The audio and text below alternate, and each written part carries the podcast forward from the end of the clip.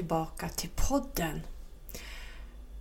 Tack ska ni ha för all feedback vi har fått från det förra avsnittet angående Ukraina och att stå i sin kraft. Eh, jag tror att många fick sig en tankeställare där och eh, verkligen kände att wow, du har helt rätt eller ni har helt rätt det ni pratar om. Så att det var jätteroligt. Jag har också fått en annan fråga kring astrologin.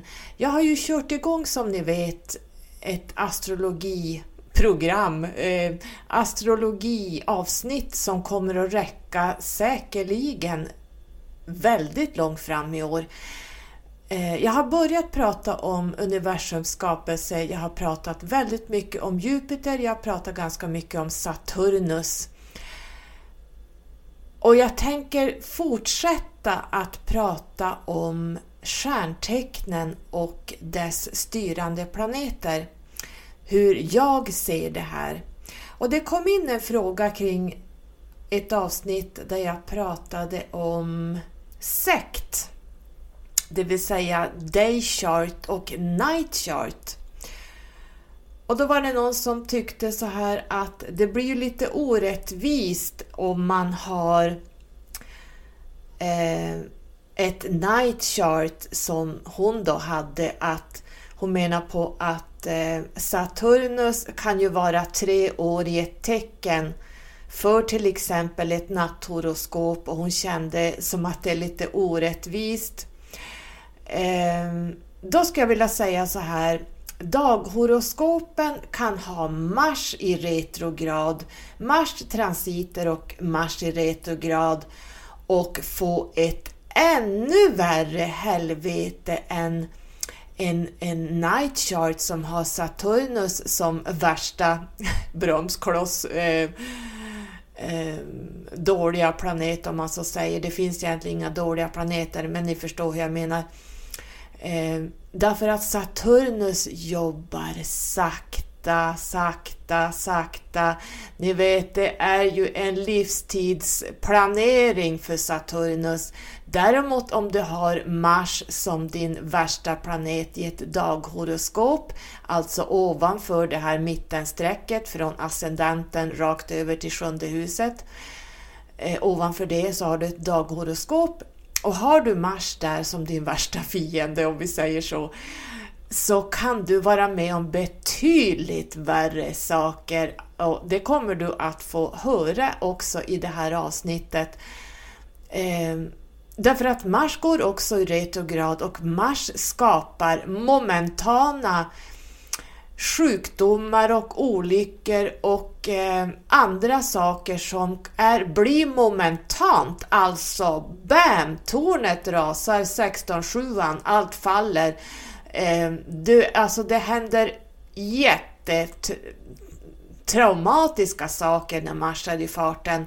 Medan Saturnus, som är den värsta i ett natthoroskop eller kvällshoroskop, jobbar över tid, det går långsamt, så här hinner du om du är vaken se eh, och stoppa händelser innan eh, skadan är skedd så att säga. Så att Hoppas att det hjälpte dig att du inte känner att det är orättvist. Jag skulle vilja säga att jag tycker faktiskt mer synd om dig Charles som har Mars som sin fiende. Därför att där sker det momentant eh, kraftfulla trauman inom situationstecken eh, medan Saturnus jobbar under en livstid. Så då fick vi det sagt. Jag tänkte att jag skulle börja prata om planeter och deras eh, stjärntecken eh, som de är, som de styr så att säga.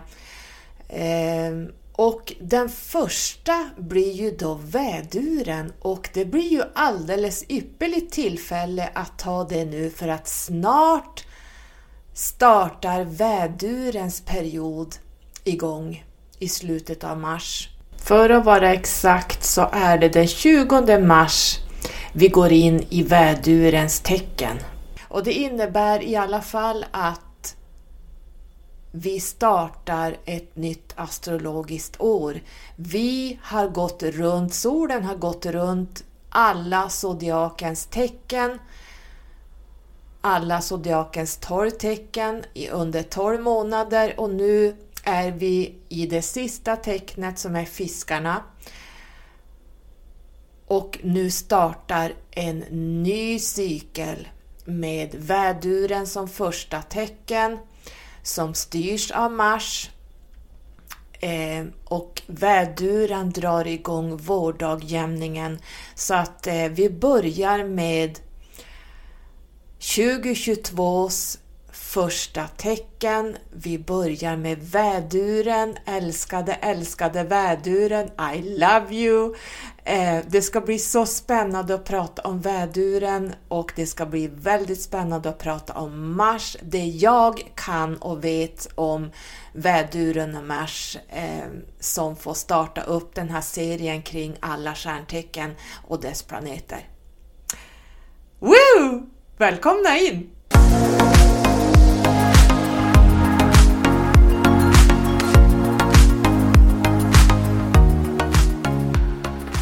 Då ska vi börja prata om Mars som egentligen ligger Först har vi solen i mitten, sen kommer Merkurius, sen kommer Venus, sen kommer jorden och sen kommer Mars. Men Mars är ändå den första planeten i och med att väduren anses som eh, den första eh, zodiakens, det första eh, stjärntecknet i zodiaken. Det råder lite, jag kommer dit sen, men det råder, råder lite eh, delade meningar kring om Mars verkligen är det första tecknet, men jag kommer dit sen. Eh, jag tänker att vi börjar med Mars och sen pratar vi om väduren. Så att Mars kallas för Martians, alltså Martian people. Och väduren, om vi ser då väduren som det första tecket, eh, Mars känner sig hemma då förstås i väduren i och med att han styr väduren. Eh, det kallas för att han är domicile, det vill säga han är hemma i väduren. Han är också domicile hemma i skorpionen. Skorpionen i de gamla traditionerna som styrs skorpionen av Mars. Eh, idag pratar man om Pluto, för Pluto upptäcktes ju eh, under vår tid. Så Skorpionen styrs också av Mars. Jag tycker inte jag ser så mycket Mars i, i Skorpionen. Jag tycker jag endast ser Pluto. Men för att göra det korrekt så är eh, Mars hemma i Skorpionen. Stenbocken, där är Mars exalterad. Här blir han konstruktiv och får saker till att bli väldigt bra i stenbocken. Och tittar man på vädurens motsatstecken, har ni era astrologikartor uppe så tittar ni var du har väduren och så drar du strecket rakt över. Då har du vågen som motsatstecken. Så vågen och väduren är varandras motsatser ska man kunna säga. Och vågen styrs ju av Venus. Så att eh, där blir det en motsats till väduren. Eh, och sen eh, om vi säger då skorpionens motsatstecken, eh, sätt fingret där du har skorpionen och så drar du fingret rakt över, då har du oxen på andra sidan tvärs över. Så oxen är ett motsatstecken till skorpionen. Där styr också Venus, precis som i vågen, och det är motsatserna. Eh, och sen i stenbocken så har vi, om du sätter fingret på stenbocken och så drar du rakt över, då har du kräftan som motsatstecken till stenbocken. Och som jag sa så är Mars exalterad i stenbocken, men inte så mycket i kräftan. Eh, man brukar säga att det blir fall depression här när Mars är i kräftan. Så att vi startar upp så, då har ni lite mer koll på var Mars eh, är exalterad och inte. Eh, Mars är ju den första traditionellt vad man säger på engelska malefic. Jag kommer att använda ordet malefic och eh, benefic. Malefic planets, det är alltså de inte så lyckosamma planeterna. De är utmanande och eh, ja, skapar lite kaos och de kallas för malefic. Benefic planeter är raka motsatsen. De skapar lycka och harmoni och välstånd och de kallas för benefic. Beroende på vars Mars befinner sig så kan han ge svåra händelser eller väldigt bra händelser. Till exempel om Mars är i stenbocken så kan det bli väldigt konstruktivt och bra. Metaforiskt kan man säga att Mars sätter eld på saker. Han startar bränder medan motsatsen eh, till det är då brandmän som släcker elden. Så där kan man se bra och dåligt. Det var en liten metafor här, men, men så kan man se det att eh, en brandman bekämpar ju den här elden så att man kan använda Mars på olika sätt.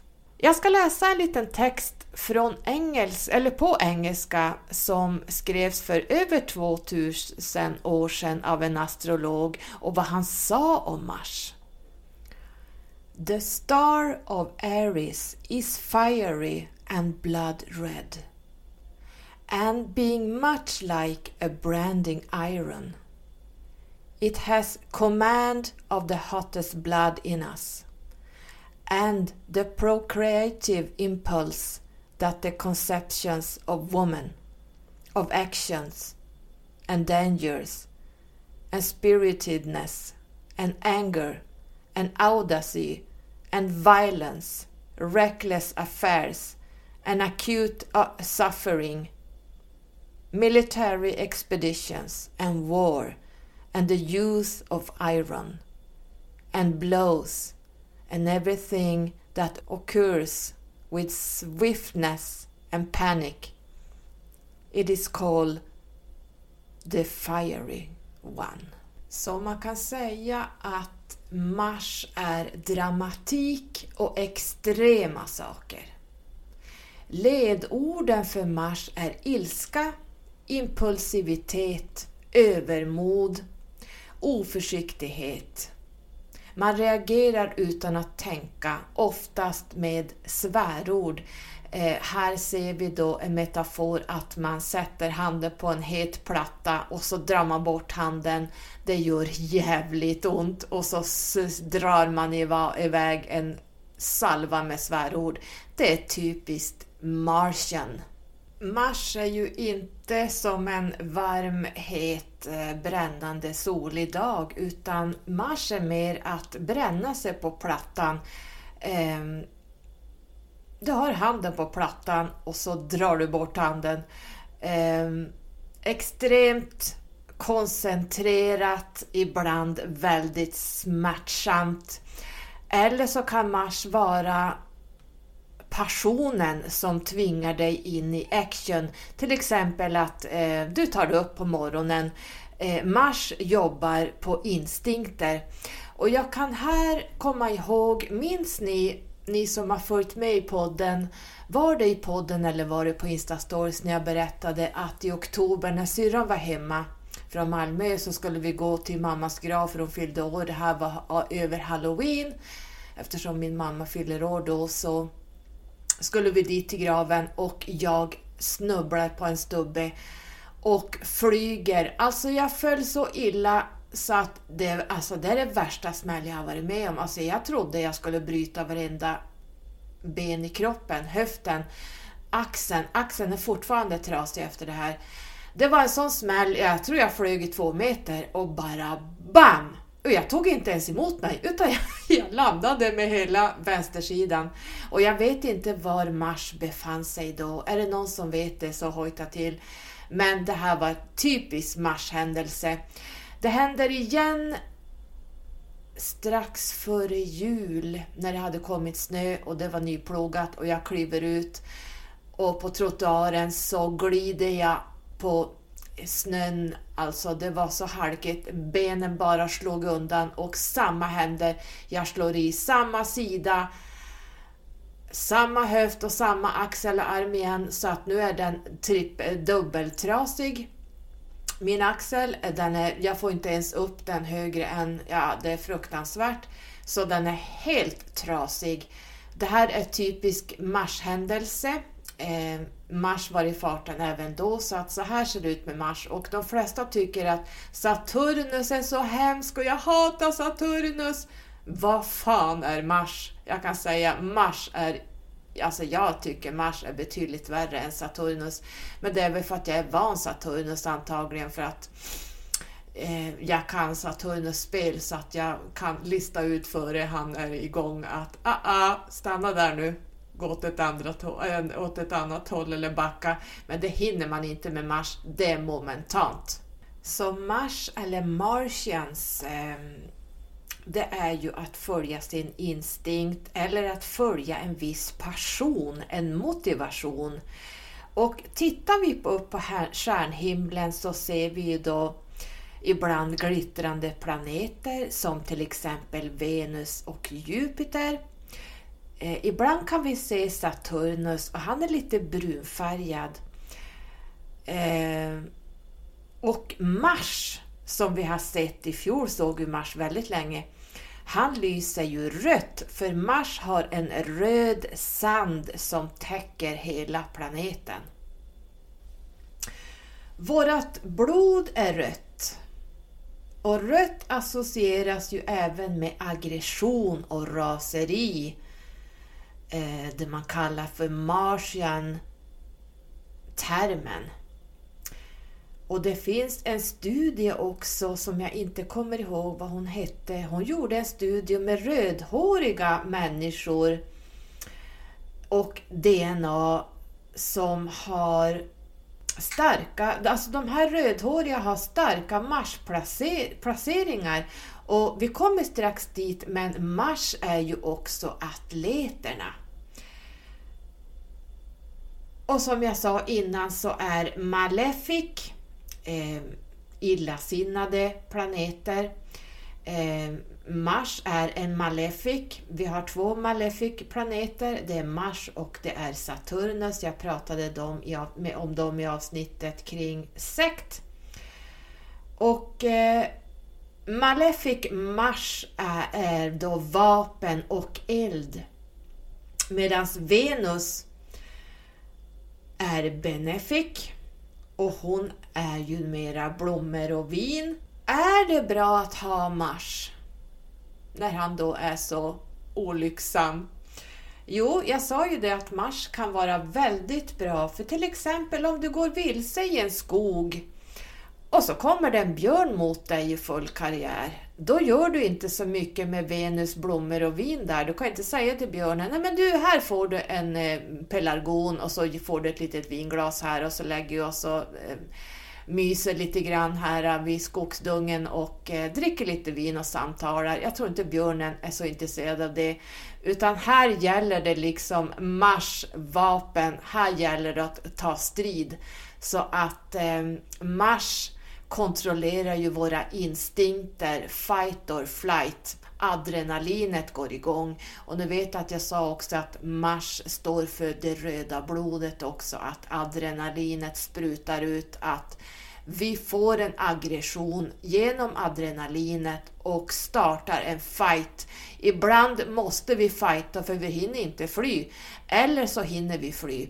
Så att det här är ju den grundläggande människoöverlevnaden eh, som Mars faktiskt hjälper oss med. Och nu vet jag att jag har pratat om eh, väduren och eh, att jag har norra noden i väduren och södra noden i vågen. Och väduren, vädurens motsats är ju alltid vågen.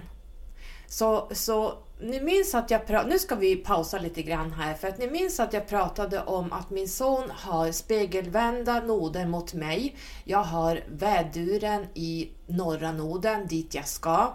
Jag kommer ifrån södra noden mitt emot väduren som är då vågen. Det är där jag kommer ifrån och det är södra noden. Min son kommer från väduren och ha norra noden i vågen precis tvärtom. Min pappa har exakt som min son, min farfar har exakt noder som mig och min Englishman, min soulmate i England, my Englishman, han bad mig göra hans horoskop ehm, och jag höll på att ramla av soffan.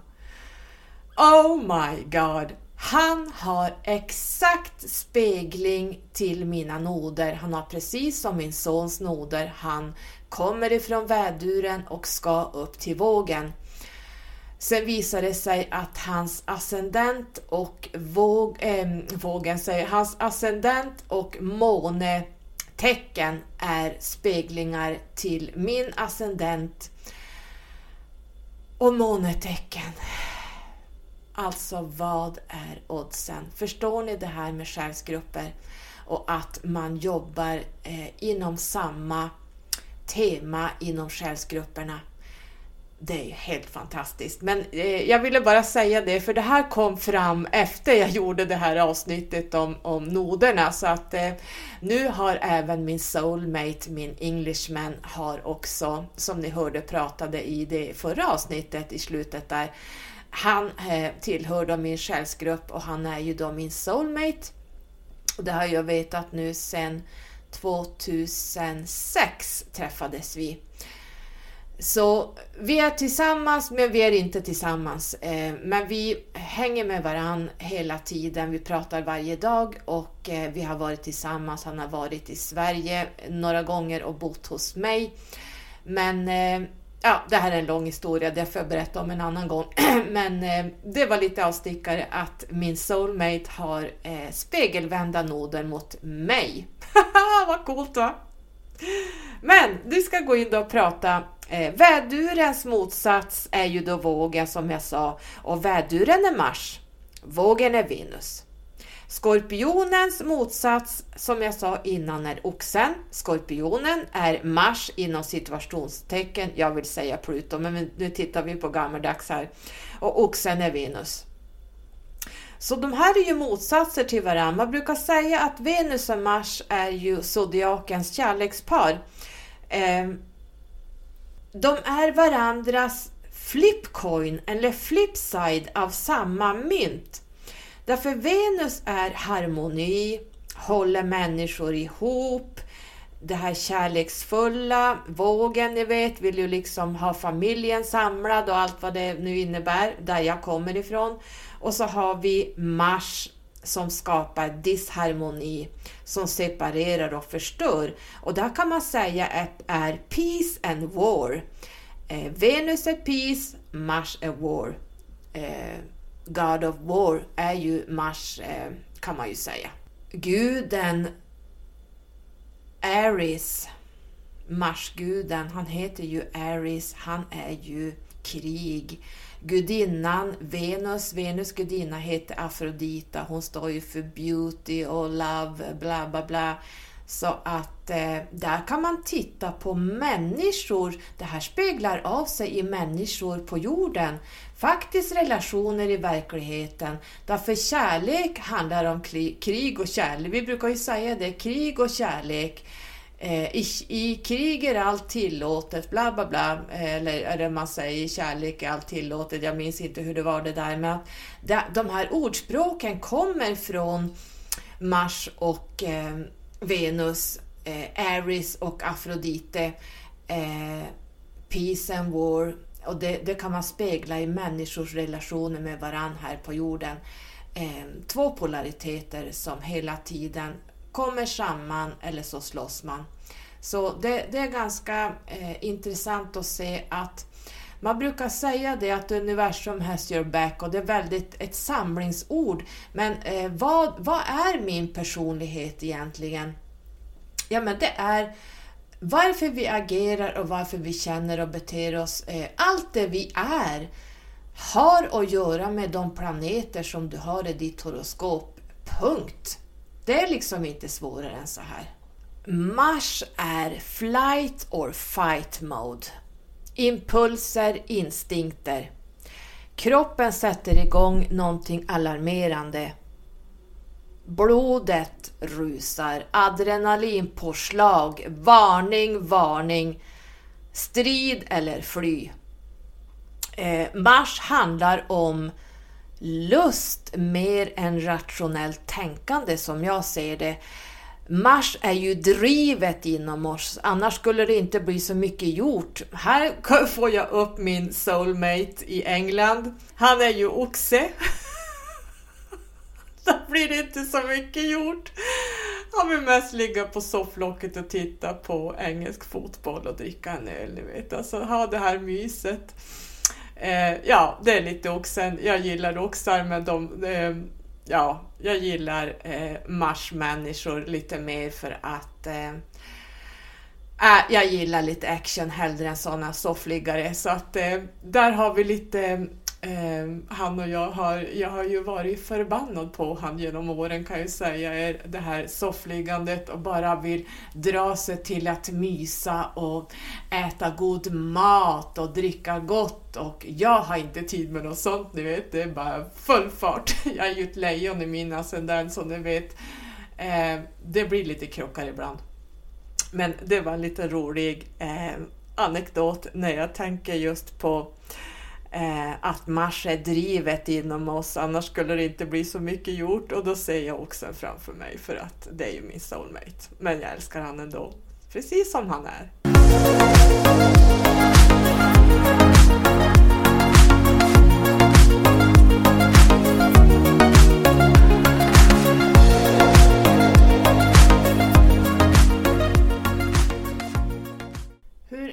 Det då att ha Mars-människor runt sig, kanske i familjen, kanske som sambo, kanske som förälder, eh, vänner. Ja, jag har funderat på det här och eh, om man tänker sig då benevolent människorna, de här eh, goda planeterna, eh, de ska ju ha allt perfekt och ordnat och det ska vara sunshine och det ska vara liksom så rosett i håret och välstrukna kläder och you name it. Eh, för att dra det lite eh, till sin spets här. Eh, marsmänniskor, Malefics, de är vännerna som kommer i extrema situationer. Marsmänniskorna kommer när du är i nöd klockan fyra på morgonen då är de där innan du har lagt på luren. Marsmänniskan är de som jobbar sig igenom svåra relationsproblem. Eh, de antar utmaningen, de antar de största utmaningarna medan de här benefics säger Nej men nu orkar jag inte, det är så dåliga vibbar, jag klarar inte av den här relationen. Åh gud, nu lämnar jag, jag orkar inte kämpa. De är för känsliga, medan Marsmänniskan, de plöjer sig igenom med lätthet. Och en Marsvän kan du lita på i alla lägen. Så där kan jag säga direkt att jag föredrar med erfarenhet Malefics eh, night chart-människor, eller inte bara night chart, men jag gillar människor som har Mars som styr dem på något sätt. Alltså, det, det är de du kan lita på i vått och torrt. Det kan du inte med Venus eller eh, Jupiter-människor, de blir scary. Nej men gud, det törs jag inte. Och gud, jag kan ju förstöra håret. Eller oj, oj, oj, nej, nu måste jag fundera. Det här blir ju obalanser och nej, det där törs jag inte. Nej, det där vill jag inte. Nej, det där, nej, det där passar inte mig. Det förstör jag min fina atmosfär och min, äh, eh, min balans. Så där kan jag direkt säga att jag föredrar malefix-människor helt klart och rakt av faktiskt. Malefics vänner är ju ride or die. De litar man på, men som jag sa, Benefics inte. Man kan, jag känner att man inte kan lita på dem när det väl gäller, när, när det väl är kris. Malefics eh, kan till och med slåss för dig. De försvarar dig. De har kuraget. De står inte och tittar på, de agerar. Våra ancients, alltså forntida astrologer, gav planeterna egenskaper som extrema, som man skulle förstå eh, vad de verkar inom för kategorier.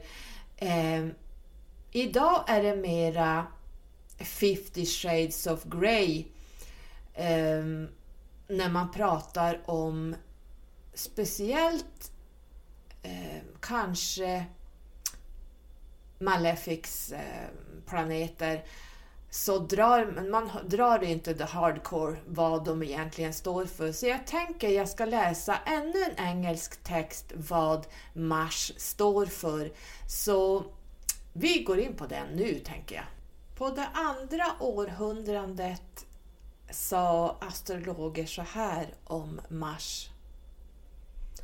The star of Mars signifies violence, wars, robbery, screams, insolence, adultery, taking away of one's possessions, banishment, exile, estrangement from one's parents, captivity, rape of woman, abortions, sexual intercourse, marriages, loss of good things, lies, hopeless situations, violent thieves, robbery, plundering, separation of friends, anger, fighting, verbal abuse, hatred, lawsuits.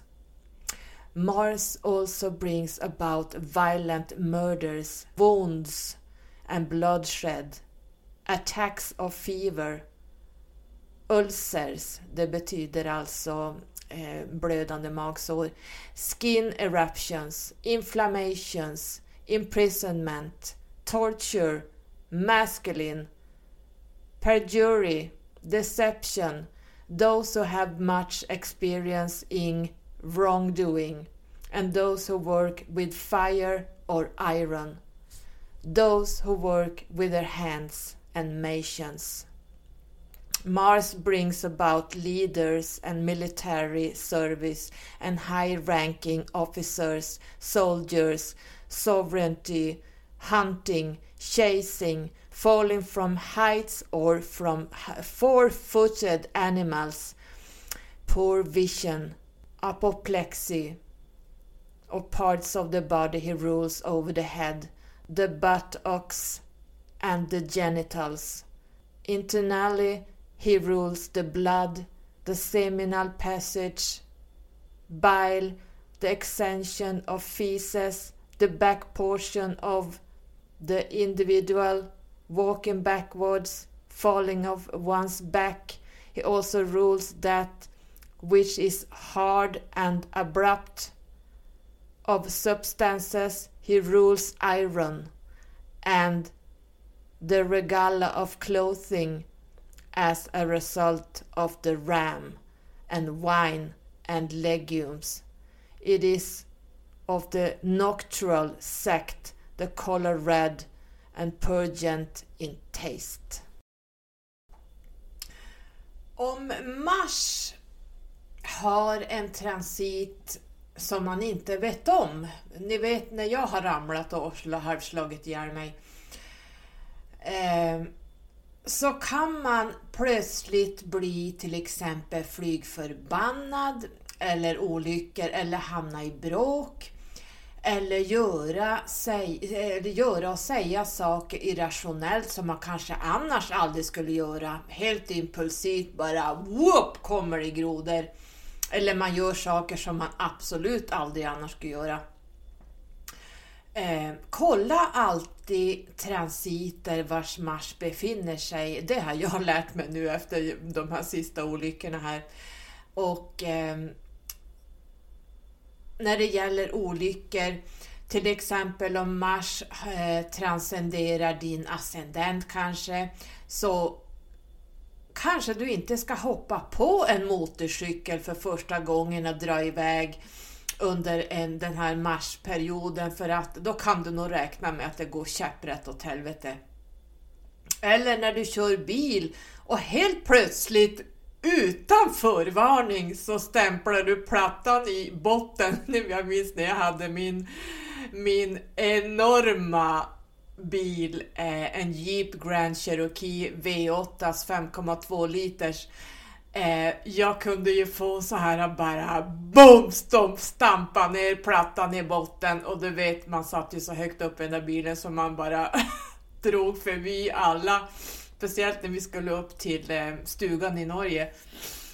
Eh, då var det ju packat med ungar och fyra hundar och en kar och så sen skulle man upp till stugan och på våren var det ju lerigt och jävligt och sen så Ja, istället för att stå och vänta på de som hade kört fast och så bara plattan i botten och bara spruta förbi allihopa upp liksom uppåt stugan och bara Har ni problem där nere eller?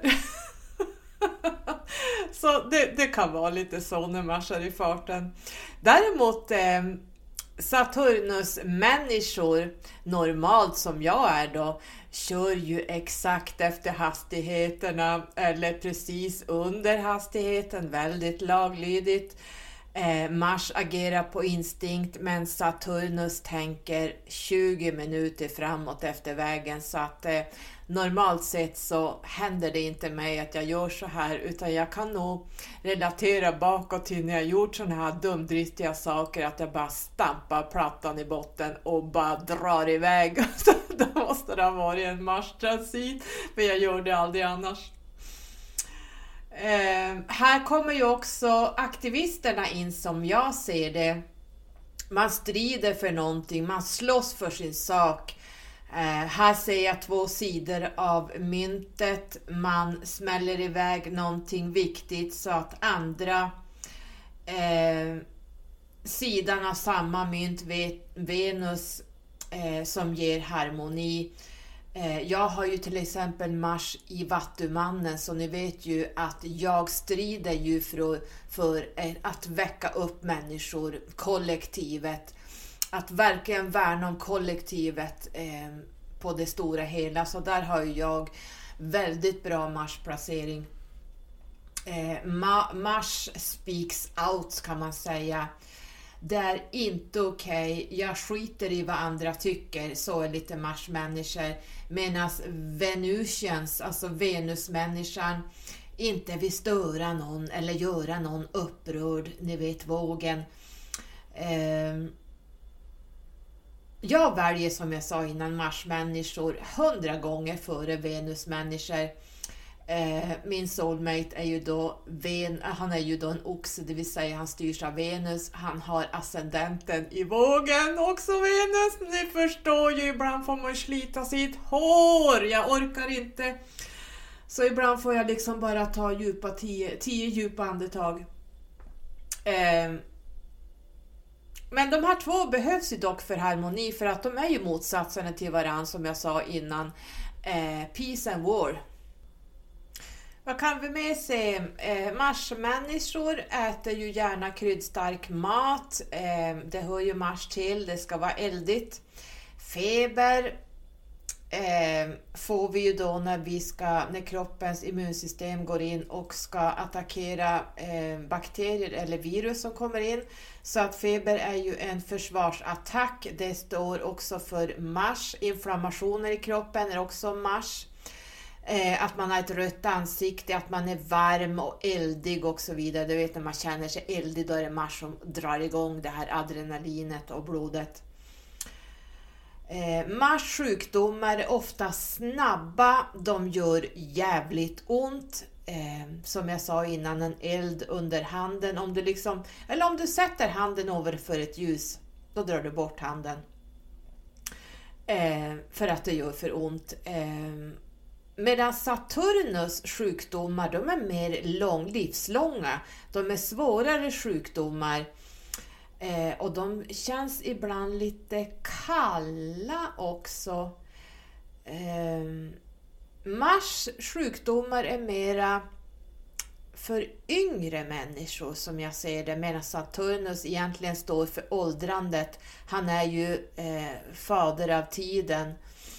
Eh, så han, han kör lite grann på ålderdom och de sjukdomarna där. Så, så ser jag det. Om man har Mars i tvillingen kommer jag på här nu då jag tänker på Merkurius. Då kan man ju kanske kriga via ord. Eh, till exempel rappare som eh, rappar mot varandra. Ni vet alla de här rapparna som ehm, eh, ger varandra kängor och de pratar om eh, allt som händer på gatan och så vidare. De krigar ju egentligen verbalt. Eh, politiker står ju och kastar skit på varandra. Men speciellt de som har Mars-placering kanske i tvillingen Eh, kanske till och med lite narcissister här, att man har Mars i tvillingen, att det kan bli verbalt väldigt hotfullt. Mars är inte som jag ser det en logisk planet utan mer en fysisk manifestation. Svärandet tillhör ju Mars och här kan man se att fuck är det vanligaste ordet som, som Mars faktiskt står för. Jag skulle kunna prata en halvtimme till eller en och en halv timme till om Mars, men jag ser att klockan har gått 42 minuter in i avsnittet och jag har inte ens börjat med väduren än, så jag känner att vi stannar där. Och så går vi in i väduren. Vad spännande! Tjoho alla vädurar, alla som har eh, sambosar som är vädurar, föräldrar, vänner eller barn som är vädurar eller så kanske man har andra placeringar i sitt horoskop där väduren gör sig hörd. Då ska ni lyssna nu.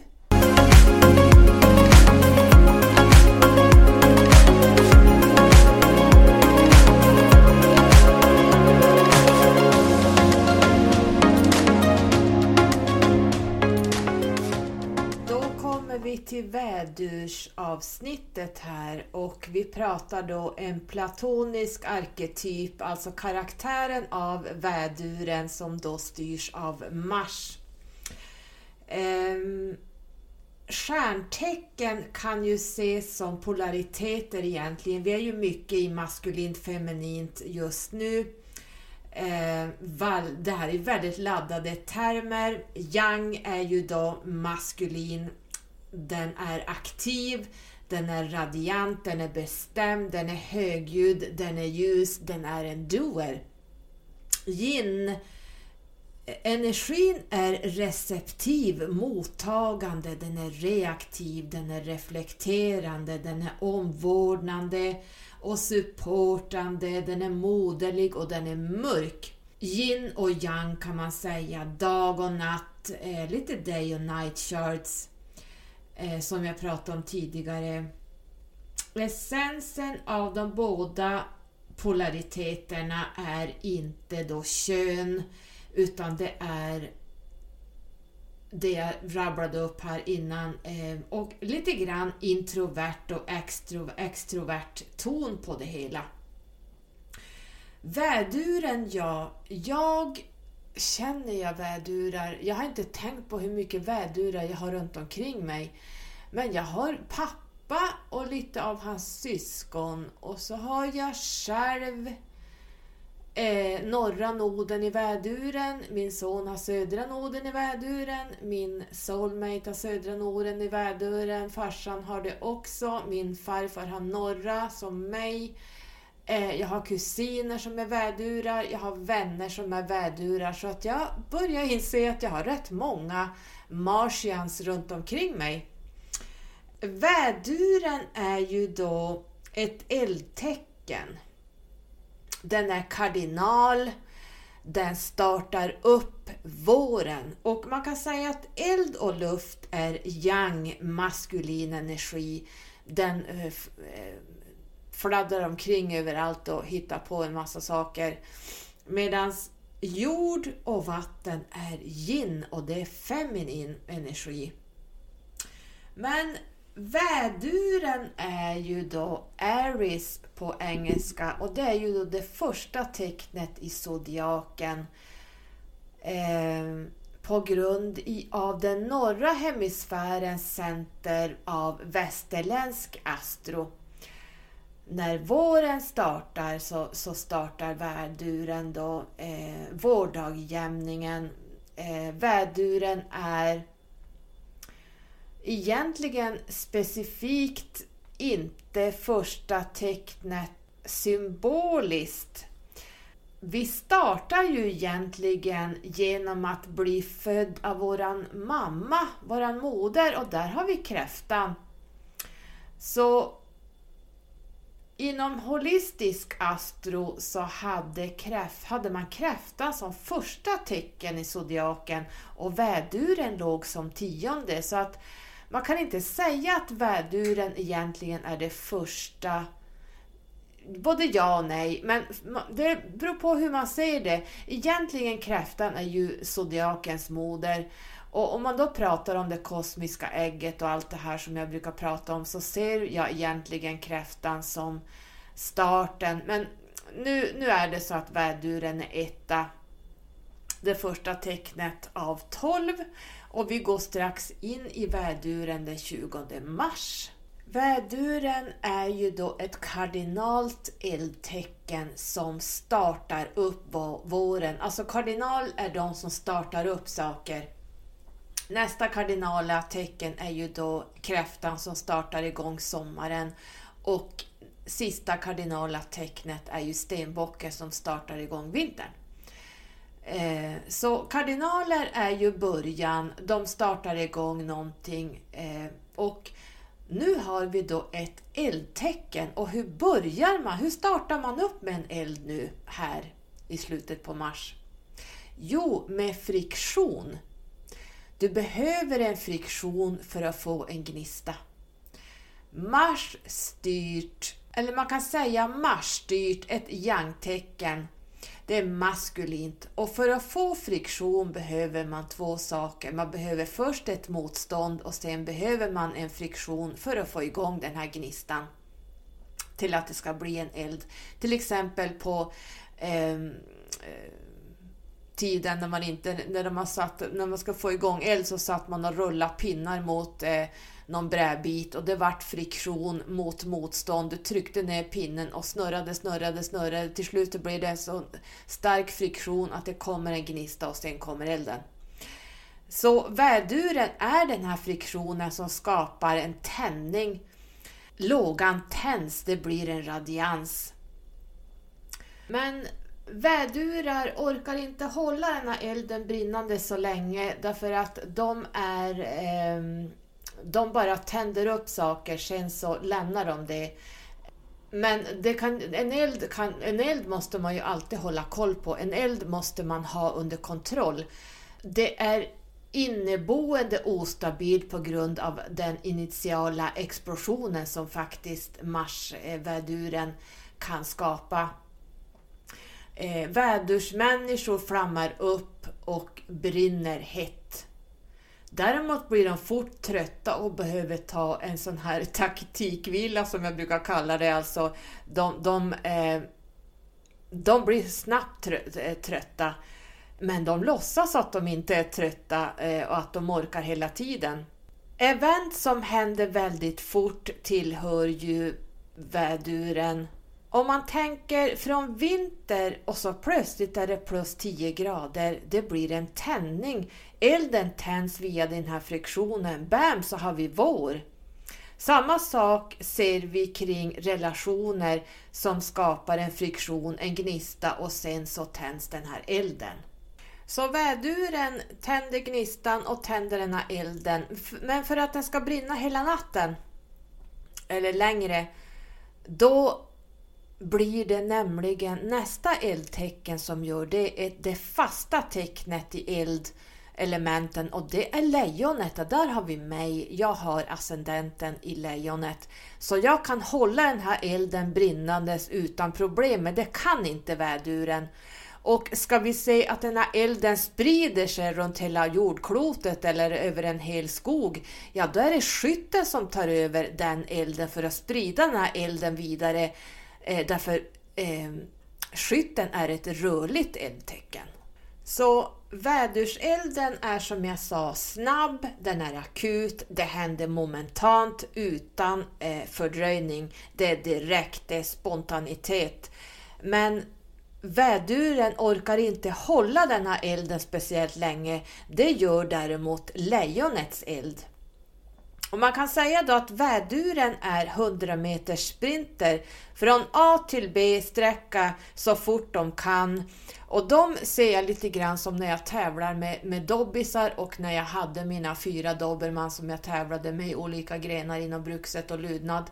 lydnad. eh, vi hade en granne som hade forster och det är ju en jakthund som kan springa ja, men, eh, från Kiruna till Sundsvall utan att stanna. Det, det är liksom inga problem. Däremot en dob dobbis är explosiv och därför använde jag min explosivaste hund och det var Ida, Kentis Salista hon eh, använder jag i rapportgrenen när man skickar hunden mellan olika stationer där de ska springa explosivt på tid och så ska de ha meddelanden och tid med sig. Eh, rapporten tror jag pratade om i mitt hundavsnitt som jag trodde jag hade i säsong 1. Men hon är ju explosiv. En dobbis är e-, explosiv, hon är extra explosiv. Eh, det fanns ingen som slog hennes tider när hon sprang och hon var ju en vädur också. Så om jag jämförde när vi släppte lös den här forsten och våra dobbisar ihop, de fick springa i skogen. Då såg man mina hundar, det var explosivt. De drog förbi den här forsten hundra gånger fram och tillbaka. Vum, vum, vum, vum, vum. De sprang hundra meter och tillbaka, hundra meter och tillbaka. Och sen när man hade gått en timme, då var det inte så mycket eh, bensin kvar i mina dobbisar. Då var de helt slut. Däremot Forsten hade inte ens börjat än. Han sa, ja men vi har tre dygn kvar att springa så att kom igen, nu börjar jag eh, känna att Eh, jag börjar få upp värmen här. Så att forstrarna eh, är långdistanser om ni tänker när ni ser på OS eh, friidrott till exempel, de här afrikanerna som är jätteduktiga på att springa flera, flera mil utan att det bekommer dem. Och så har vi de här kortdistansarna 0 till 100 på, alltså de, har, de kör igång stenhårt. Det är vädursmänniskor, det är liksom 0 till 100 på 3 sekunder, sen är krutet slut. Väduren har också zero tålamod. Eh, de är i rörelse hela tiden. Det är liksom wom, wom, om de ska ut eh, på ett ärende, eh, de ska iväg till affären och de ska gå dit. På vägen till affären så hittar de tio, så hinner det hända tio saker till som de hinner eh, tända upp saker på. Någon ringer, någon skriver, man träffar någon på vägen. Där har de skapat nya händelser så innan de är framme till affären då har de hunnit starta upp nya projekt och nya saker på den lilla sträckan. Till exempel om du har en person som hoppar från tunnelbanan. En vädur tänker inte efter. En vädur instinktivt hoppar ner på spåret och sliter upp människan som ligger där och tänker inte på att shit, tåget kommer, på, tåget kommer nu, jag blir också överkörd. Där kan man se skillnaden en stenbock. Om någon ramlar ner på spåret och så står en stenbock där. En stenbock hinner tänka väldigt långt framåt, eh, hinner eh, väga för och nackdelar, risker och så vidare är det bra att hoppa ner på tåget? Eh, är det värt det? Och stenbockar tänker oftast, jag kom, när jag kommer till stenbocken kommer jag att prata säkert tre timmar, men stenbocken tänker alltid, är det här värt det? Är det här värt min tid? Är det här värt min kraft? Är det här värt mitt engagemang? Är det här värt liv och död? Det är stenbocken, så att man ser skillnaden där. En vädur hoppar ner på spåret utan att tänka sig för instinktivt, medan en stenbock tänker till. Nej, det där blir inte bra om jag hoppar. Då, då måste jag kolla, när kommer nästa tåg? Kan någon ringa och kolla? Kan någon titta på tidtabellen innan vi sliter upp den här personen från spåret? Väduren agerar först och sen så tänker den. Det är en spontan kvalitet. Agera medan järnet är varmt är ett citat hämtat direkt från väduren. Eh, lite grann som om väntar du fem sekunder så missar du möjligheten. Psykologiskt är eldmänniskor lite som okej, okay, det är dags att agera, punkt. Stenbocken tänker ja, låt oss analysera det här först i fem veckor innan vi bestämmer oss. Eh, då ska man väga för och nackdelar. Är det värt min tid? Är det värt mitt engagemang? Hur länge kommer det här ta? Jag måste starta och så måste jag avsluta. Eh, väduren har ingen lust att avsluta. Väduren startar upp och sen har han på vägen, de har startat upp, så har de hunnit starta upp 50 saker till. Väduren ser det här direkt och agerar på det. Jämfört då med stenbocken som, som eh, är lite långsammare. I sportvärlden har du faktiskt inte tid att analysera saker och ting. Eh, de har en instinktiv energi. I see it and I do it. Som jag sa innan då också att vädurens arketyp är 100 meters sprinten som alltid blir trött. Efter 100 meter är bensinen slut de kallas ju för Rams head eller baggen. Rams kan man säga är baggehuvud. De är snabba, explosiva, momentant. Eh, titta hur de här baggarna attackerar. Eh, och väduren styr ju då huvudet, bland annat. Så att sammanfatta det här då så är väduren den, den eh, som startar upp en fas med full kraft men den har inte orken att fullfölja.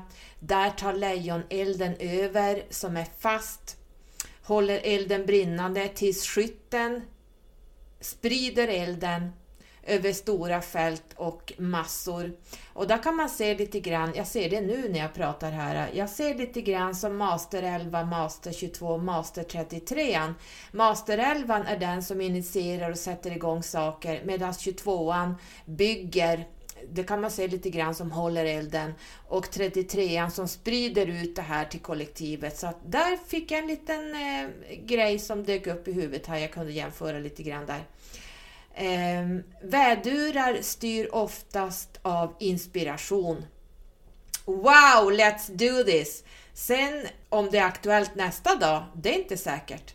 Det kan ha hunnit starta upp eh, 15 nya saker medan man eh, startade upp första saken på en dag. Marsväduren är mer aggressiv än Mars, Pluto, Skorpionen skulle man kunna säga också.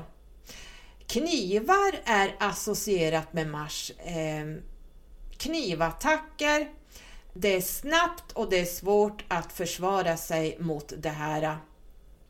Boxning är till exempel en vädersport också. En snabb smäll och det är över. Här gäller det för marsboxare att eh, de går in snabbt eftersom de inte orkar slåss hur länge som helst. Eh, därför att de orkar inte med 15 ronder utan de, de måste gå in snabbt och slå ner, knocka den andra så att det är klart. Och eh, de gör det ordentligt precis som Baggen gör. Baggen springer i full karriär och när den slår i huvudet så är det färdigt för den som den når. Däremot en marsvädur i retrograd, den kan jobba lite längre. Den kan stå, den kan stå i 25 minuter och eh, eh, slå sönder den andra motståndaren, sen är det över. Så att det, det kan vara en Mars i retrograd kan ha lite mer uthållighet. Väduren har en championkvalitet över sig. Solen är ju exalterad i väduren. Alla bevittnar min power, i alla fall för just den stunden. Väduren är ju egot lite grann, den styr i huvudet. Den här stunden som väduren har i glansen, eh, det är ju oftast inte så bestående med väduren utan de får njuta den, de sekunderna eller minuterna de har eh, blickfrånget på sig. De är risktagande, vad kan jag uppnå? Eh, de vill utmana och bli, vill bli utmanade och testade. De vill bevisa i action eh, att de är kapabla till att bli eller göra någonting medan lejoneldarna inte behöver bevisa någonting för någon. Väduren ser jag som en solo, oberoende, personifierad eh, människa som gillar att gå ensam, gå fort och jobba oberoende i sina supervisioner som de får. De gillar också att jobba hårt, de tar gärna utmaningar, eh, de gillar speciellt Ah, jag är inte helt säker. Det gillar de. Och de gillar friheten att göra det på egna premisser. Väduren ser jag, om jag ska jämföra numerologiskt, så tänker jag direkt på livsväg 1 eller ettan. Man kan ju ha ettan på olika ställen, men jag ser där du har din etta. Jag har ju en etta i mitt personlighetstal, så därför känner jag igen väduren väldigt mycket i det här oberoende, individualisten, jag skiter i vad andra tycker jag säger om mig, jag gör som jag vill, jag går min egen väg. Det kan jag se stämmer lite grann med väduren, men sen stannar det där. Sen går ettan helt andra vägar, det finns helt andra egenskaper, där skiljer de sig åt. Men så långt, so far so good. Så jag är lite stolt över min etta, att jag har den som liknar väduren, för jag älskar Martian people. Oh, jag tycker de är helt suveräna och jag gillar också hundar, det är därför jag har haft dobermann i 16 år därför att de är explosiva. Det är 0 till 100 på en halv sekund. De kan ligga och sova, snarka upp och ner och sen när man går mot hallen och plockar i, i dörren Pang så står de bredvid, bredvid dörren och Var ska vi? Vad ska vi göra? Ska vi gå ut? Ska vi träna? Ska vi springa? Vad ska vi göra? Så att jag gillar ju den här typen och sen bara, nej det vart ingenting. Boom! Då slår de av knappen och somnar in i dvala igen. Så att jag gillar det här på av-knapparna på de här hundarna. Eh, de älskar att jobba, de är jäkligt smarta, de eh, jobbar ensamma jättebra de har den här protection, de finns där i vått och torrt. Behöver man hjälp så finns en dobbis vid din sida, no matter what. Ni vet ju att Liz räddade mitt liv i det avsnittet när jag pratade om att jag låg döende. Hon räddade, höll mig vid liv i fyra timmar. Så att eh, Dobermann är väldigt beskyddande, de är väldigt familjära, de älskar sin familj över allt annat så att eh, det kan jag se lite, de är lite vädurshundar faktiskt. Sen hade jag ju även Ida som var en vädur. Liz, min älsklingshund, min stamtik, hon var en skorpion så henne älskade jag också. Och jag gillar båda två. Eh, det är så många stjärntecken som jag gillar. Så man kan säga som så då att väduren får sina egenskaper genom att de styrs av Mars. De är ett kardinalt igångsättande tecken, ett ledande tecken, de är ledare och de är ett eldelement. Astrologiskt brukar man säga att Väduren är barnet, väduren styr hus 1 och jag hade faktiskt tänkt prata om hus 1 men nu har jag pratat i en timme och fem minuter ser jag, så att nu måste jag faktiskt stoppa här. Jag pratar alldeles för länge. Jag trodde inte jag skulle prata så här länge, men nu blev det så. Eh, nästa blir det ju att prata om oxen. Det kanske, jag hoppas att jag kan dra ner på tiden då. Eh, jag vet att det är jobbigt att lyssna på alldeles för många, för långa avsnitt. Jag kan själv tycka att en timmas avsnitt är nog så mäktigt. Men nu blev det så idag. Men väduren styr då hus 1. och det, väduren ses som ett väldigt ungt tecken. Det anses vara barnet. Eh, du kan även gå in och titta på min hemsida där jag skriver om gudinnor och eh, de unga gudinnorna, de vita gudinnorna är väldigt unga gudinnor. Sen kommer lite mer mogna gudinnor och då kommer även lite mognare tecken. Så att om man säger stenbocken är ju fullfjädrad mognad. Eh, som, har, som tänker sig för lite mer jämfört med det här barnet som, som egentligen bara kastar sig ut och lever enligt instinkter. Så jag hinner inte ta hus ett idag. Jag kanske får göra avsnitt bara om husen eh, någon annan gång. Det blir för mycket att prata om helt enkelt. Så Tack ska ni ha för att ni har lyssnat och eh, hoppas att ni gillade det här avsnittet trots att det blev lite över en timme långt. Ehm, så nästa gång så tänker jag prata om oxen. Så har du en oxe i din närhet eller har du någon känd oxe i din familj så ska du lyssna då. Jag finns som vanligt på letskyrocket.se och vill du ha ditt själskontrakt i 14 delar så kan du gå in på min hemsida och signa upp dig där. Glöm inte heller att signa upp dig på mitt nyhetsbrev. Jag skriver eh, lite olika saker eh, i nyhetsbreven. Eh, jag kommer bland annat att skriva varje månad om den numerologiska månaden, vilken energi som är i farten. Jag kanske till och med börjar skriva lite astrologiskt hur jag ser planeterna står. Men eh, det är framledes. Ha en bra dag hörni så hörs vi en annan gång. Puss och kram! Hej då!